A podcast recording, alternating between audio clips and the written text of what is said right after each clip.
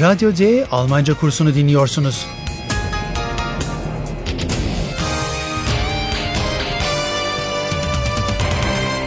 Bu dil kursu Goethe Enstitüsü ve Deutsche Welle'nin ortak projesidir.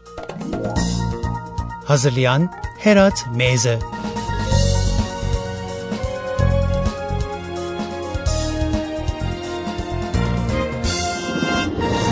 Radyo D Dil Kursu'nun 12. bölümüne hoş geldiniz.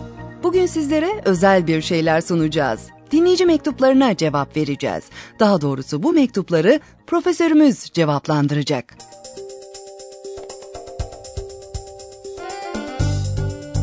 Hallo, liebe Hörerinnen und Hörer, Willkommen, bei Radio D. Radio D. Hörerpost.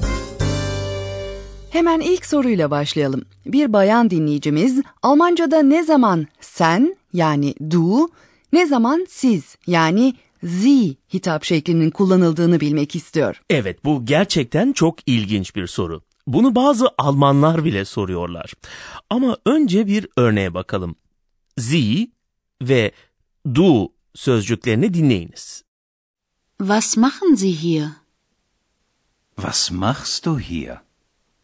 Şimdi sizlere bu iki ifadenin de geçtiği sahnelerden iki kesit dinleteceğiz. Belki bu soruları kimin kime sorduğunu da hala hatırlıyorsunuzdur. Böylece ne zaman du, ne zaman sie kullanıldığı konusunu kavrayabilirsiniz. Was machen Sie denn? Bu Kral 2. Ludwig'in doktoruydu. Bu kişi krala saygılı bir şekilde hitap ediyor. Almanca'da saygılı ve mesafeli hitap şekli sie zamiriyle ifade edilir. Eihan, was machst du da? Bu da Ayhan'a ne yaptığını soran Josefine'ydi. Genç oldukları, birbirlerini tanıdıkları ve birlikte pek çok şey yaptıkları için Josefine ve Ayhan birbirlerine du diye hitap ediyorlar. Şimdi iki örnek daha dinleyeceksiniz. Burada da konuşmaya katılan kişilerin rollerine dikkat edin.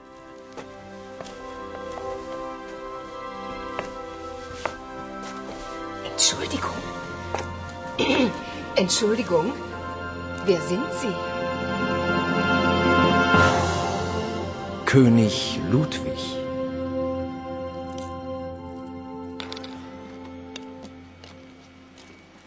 Also, Philipp, das ist Eihan. Wie heißt du? Eihan? Eihan? Kısacası kibar ve saygılı olmak istiyorsanız ve yabancılara ya da daha yüksek konumdaki kişilere hitap ediyorsanız o zaman Sie biçimindeki hitap şeklini kullanırsınız. Arkadaşlarınız ve tanıdığınız kişilerle konuşurken du biçimini kullanırsınız. Hmm, hayır, böyle bir genelleme yapamayız. Tanıdık kişilerle konuşurken de sıklıkla Sie diye hitap edilebildiği gibi gençlerin çoğu birbirlerini tanımasalar bile doğrudan du diye hitap etmektedirler. Dinleyicilerimize şunu söylemek istiyorum. Birisine zi ile hitap etmek hiçbir zaman yanlış değildir. Buna karşılık birisine doğrudan du şeklinde hitap ederseniz karşıdaki kişi bunu bir saygısızlık olarak algılayabilir. Bu da konuşmanın devamı açısından pek de uygun bir başlangıç sayılmaz. Evet kendisine Sie ile hitap edilen ancak du şeklinde hitap edilmesini normal karşılayan kişiler bunu size söylerler.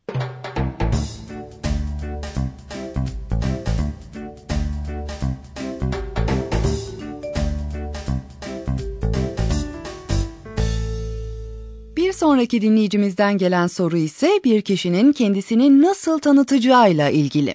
Yalnızca adınızı mı yoksa hem adınızı hem de soyadınızı mı söylersiniz diye soruyor. Geçen bölümlerin birinde bu konudan söz etmiştik ve bunun sosyal bağlamla ilgili olduğunu söylemiştik.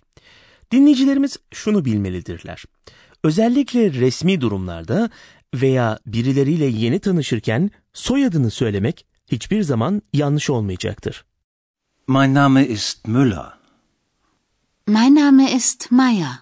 Aslında birilerine ya kendi kendimizi tanıtırız ya da birileri bizi tanıştırır. Burada genellikle verilen bir karşılık vardır. Mutlaka. Bu gibi durumlarda memnun oldum anlamına gelen biraz resmi ve eski bir sözcük olan angenehm sözcüğü kullanılır. Genellikle insanlar adlarını söyleyerek kendilerini tanıtırlar. Sıklıkla da şu soru sorulur. Wie geht es Ihnen? Nasılsınız? Veya Wie geht's? Yani nasılsın? Majestät, wie geht es Ihnen?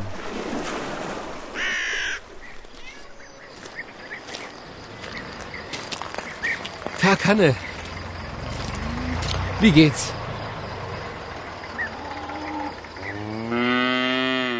Aslında bunu ciddi olarak sormuyoruz değil mi? Birisiyle yeni tanışma bağlamında bu daha ziyade kalıplaşmış bir sözdür.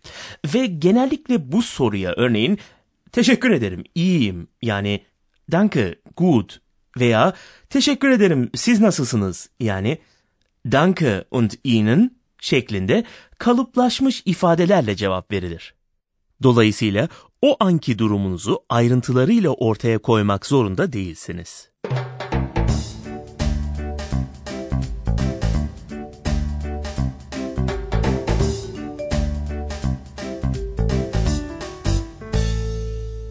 Şimdi başka bir soru geliyor. Bu epeyce zor bir soru. Bir dinleyicimiz den sözcüğünün işlevini soruyor. Zor mu? Hayır ben buna zor soru demezdim.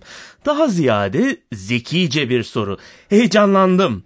Dinleyicimiz den sözcüğünün işlevini soruyor. Bu değiştirilemeyen bir sözcüktür. Yani bir particle, edat ya da ilgeçtir. Fakat Sayın Profesör çok fazla soyut konulara girmeden önce gelin isterseniz dinleyicilerimize bir örnek verelim. Wer bist du denn? Was machen Sie denn? Bu iki soruyu da anlamış olmalısınız. Sen kimsin?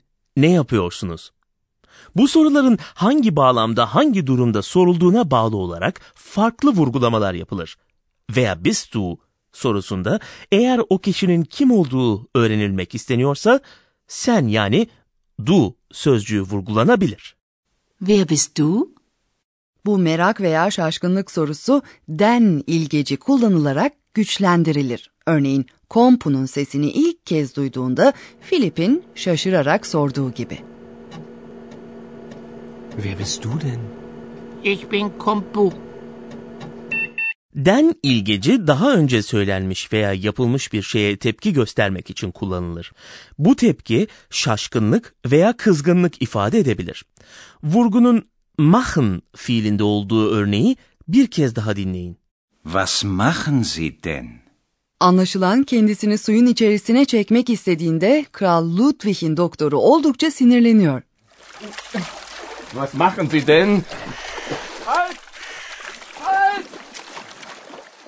Tüm edatlarda olduğu gibi den sözcüğü de ifadenin anlamını kökten değiştirmez. Ancak ifade değiştirilir yani güçlendirilir veya yumuşatılır. Yani ifadenin anlamı aynı kalıyor. Peki ama dinleyicilerimizin bunu neden bilmesi gerekiyor? Haklısınız cümleler ilgeçler olmadan da anlaşılabilir. Anlam üzerinde çok fazla düşünmeye gerek yok. Ancak dinleyicilerimizin Almanca'da özellikle de konuşma dilinde bu ilgeçlerin sıkça karşımıza çıktığını bilmeleri gerekir. Ayrıca ilgeç içeren cümleler kulağa çok daha yumuşak gelirler. O kadar kuru olmazlar. Şu iki örneği de dinleyin. Was ist denn das? Ein Tisch, liebe Sissi?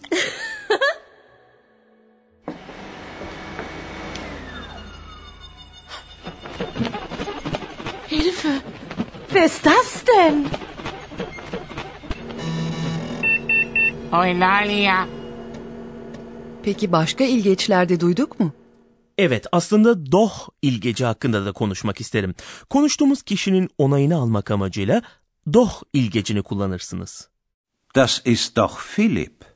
Bu şekilde konuşulan kişiye bir şeyleri örneğin Radyo D'de bir baykuş olduğunu bilmesi gerektiği hatırlatılır. Wie bitte? Wer ist das denn? Eine Eule. Das siehst du doch.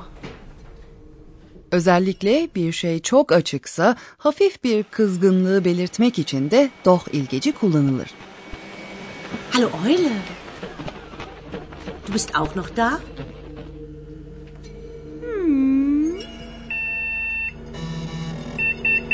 Das ist eine Eule, aber sie heißt Eulalia. Das weißt du doch. Konuşmamı bitirmeden önce en sevdiğim ve oldukça sinsi bir edatı aslında yani eigentlich ilgecini de belirtmek istiyorum. Wo ist Philipp? Wo ist eigentlich Philipp? Neden sinsi? Oldukça zararsızmış gibi durup aslında bir sitemi ciddi şekilde kuvvetlendirebildiği için. Ne düşünüyorsunuz? Ayhan burada zararsız bir soru mu soruyor yoksa Philip iş yerinde olmadığı için sorusunda bir sitem mi gizli? Wo ist eigentlich Philipp? In München. Nein. Im Stau. Philipp ist im Stau.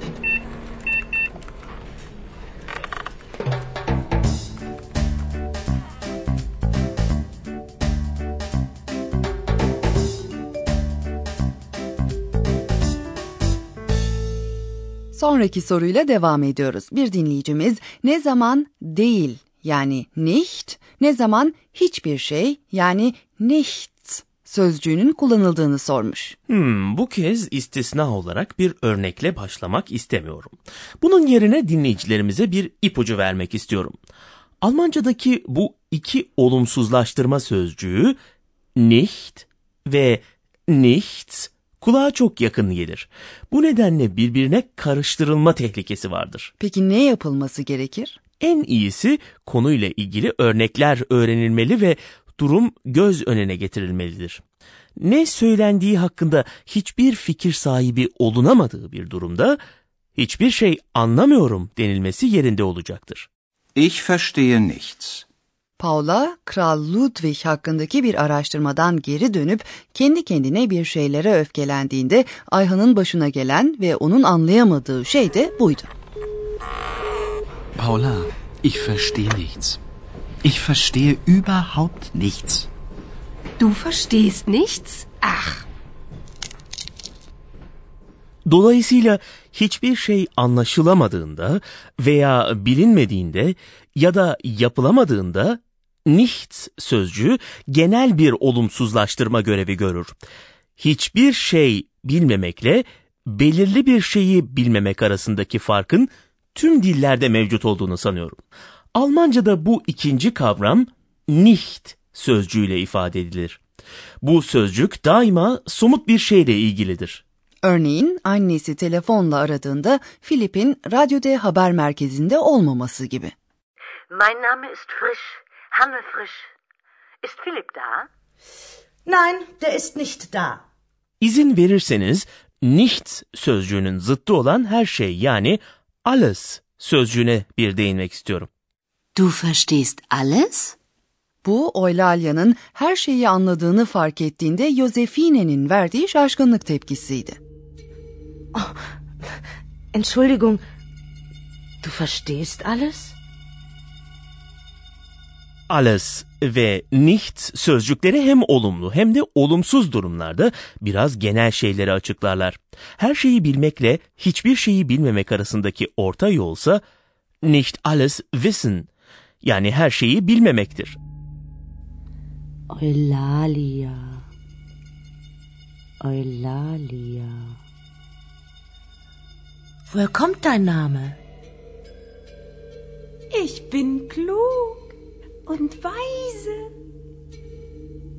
Aber ich weiß nicht alles. Maalesef bugünlük dinleyici mektuplarına ayırdığımız sürenin sonuna geldik. Çok teşekkürler Sayın Profesör. Dinleyicilerimize zekice sorularından ötürü ben teşekkür ederim. Bir sonraki bölümümüzde Philip ve Paula yeni bir olayı araştıracaklar. liebe Hörerinnen und Hörer, bis zum nächsten Mal.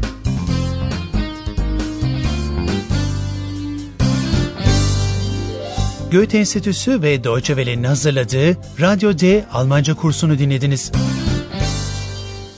Und tschüss.